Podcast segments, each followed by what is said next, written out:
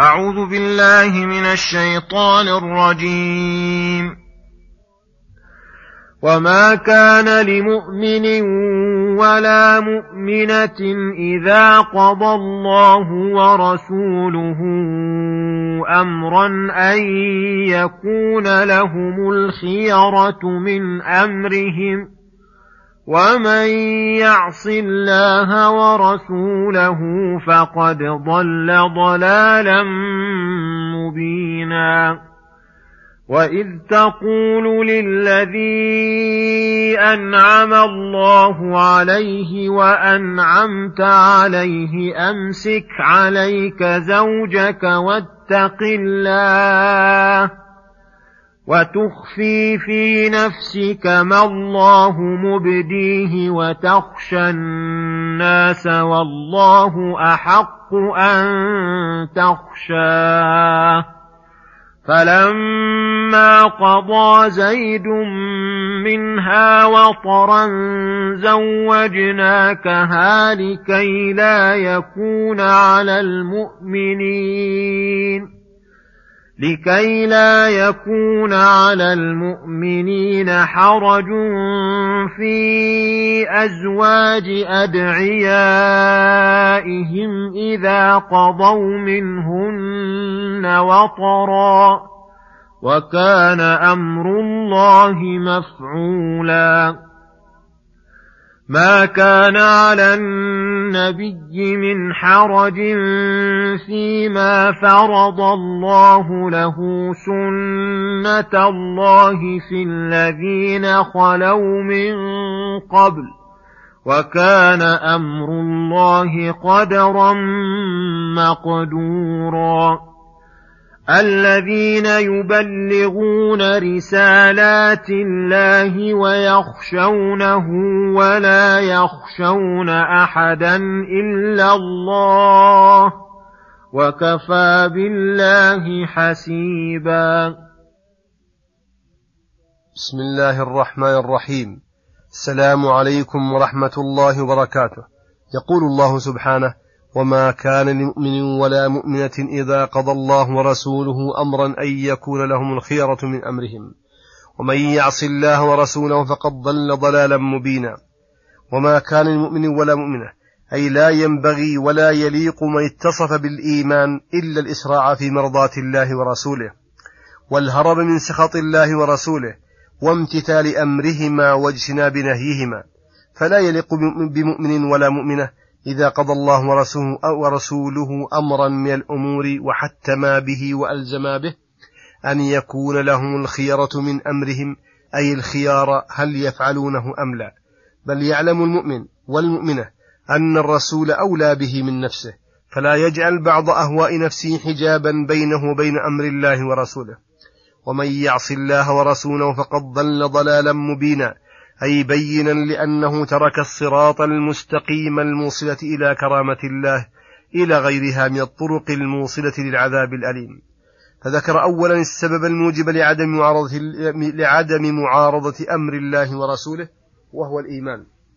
ثم ذكر المانع من ذلك وهو التخويف بالضلال الدال على العقوبة والنكال وكان سبب نزول هذه الآيات أن الله تعالى أراد أن يشرع شرعا عاما للمؤمنين أن الأدعياء ليسوا في حكم الأبناء حقيقة من جميع الوجوه وأن أزواجهم لا جناح على من تبناهم في نكاحهن فكان هذا من الأمور المعتادة التي لا تكاد تزول إلا بحادث كبير فأراد أن يكون هذا الشرع قولا من رسوله وفعلا. وإذا أراد الله أمرا جعل له سببا فكان زيد بن حارثة يدعى زيد بن محمد. قد تبناه النبي صلى الله عليه وسلم. فصار يدعى إليه حتى نزل ادعوهم لآبائهم. فقيل له زيد بن حارثة وكانت تحته زينب بنت جحش ابنة عمة رسول الله صلى الله عليه وسلم وكان قد وقع في قلب الرسول لو طلقها زيد لتزوجها. فقدر الله أن يكون بينها وبين زيد ما اقتضى أن جاء زيد بن حارثة يستأذن النبي صلى الله عليه وسلم في فراقها. قال الله وإذ تقول للذي أنعم الله عليه أي بالإسلام. وأنعمت عليه بالعتق والإرشاد والتعليم. حين جاءك مشاورا في فراقها فقلت له ناصحا له مخبرا بمصلحته مقدما لها على رغبتك مع وقوعها في قلبك أمسك عليك زوجك أي لا تفارقها واصبر على ما جاءك منها واتق الله تعالى في أمورك عامة وفي أمر زوجك خاصة فإن التقوى تحث على الصبر وتأمر به. وتخفي في نفسك ما الله مبديه والذي أخفاه أنه لو طلقها زيد لتزوجها صلى الله عليه وسلم. وتخشى الناس في عدم إبداء ما في نفسك والله حق أن تخشاه.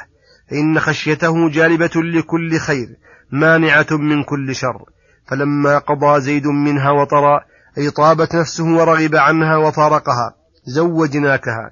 وإنما فعلنا ذلك لفائدة عظيمة وهي لكي لا يكون على المؤمنين حرج في أزواج أدعيائهم حيث رأوك تزوجت زوج, زوج زيد بن حارثة الذي كان من قبل ينتسب إليك ولما كان قوله لكي لا يكون لكي لا يكون على المؤمنين حرج في أزواج أدعيائهم عاما في جميع الأحوال وكان من الأحوال ما لا يجوز ذلك وهي قبل انقضاء وطره منها قيد ذلك بقوله إذا قضوا منهن وطرا وكان أمر الله مفعولا.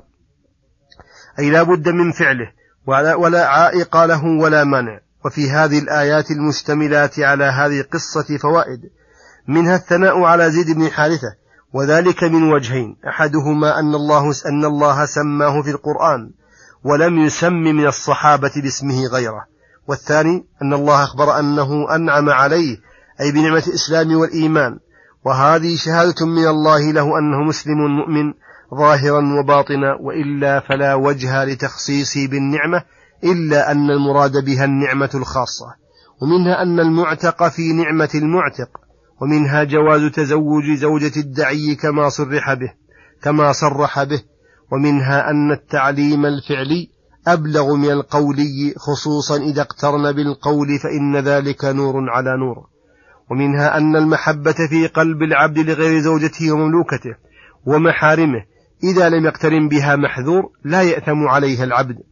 ولو اقترن بذلك أمنيته أمنيته أن لو طلقها زوجها لتزوجها من غير أن يسعى في فرقة بينهما أو يتسبب بأي سبب كان. لأن الله أخبر الرسول صلى الله أخبر الرسول صلى الله عليه وسلم أنه أخفى ذلك في نفسه.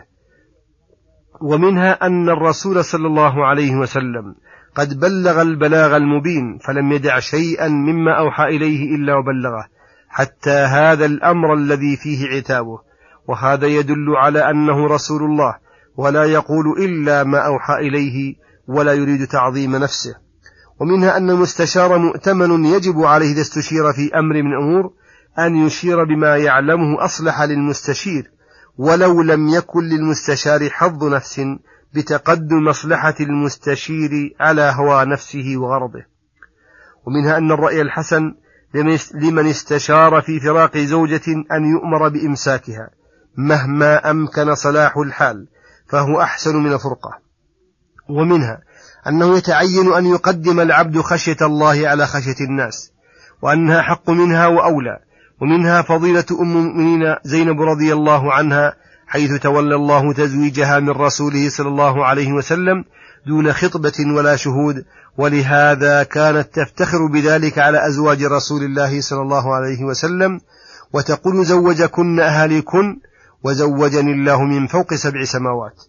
ومنها أن المرأة إذا كانت ذات زوج لا يجوز نكاحها ولا السعي فيه وفي أسبابه حتى يقضي زوجها وطره منها.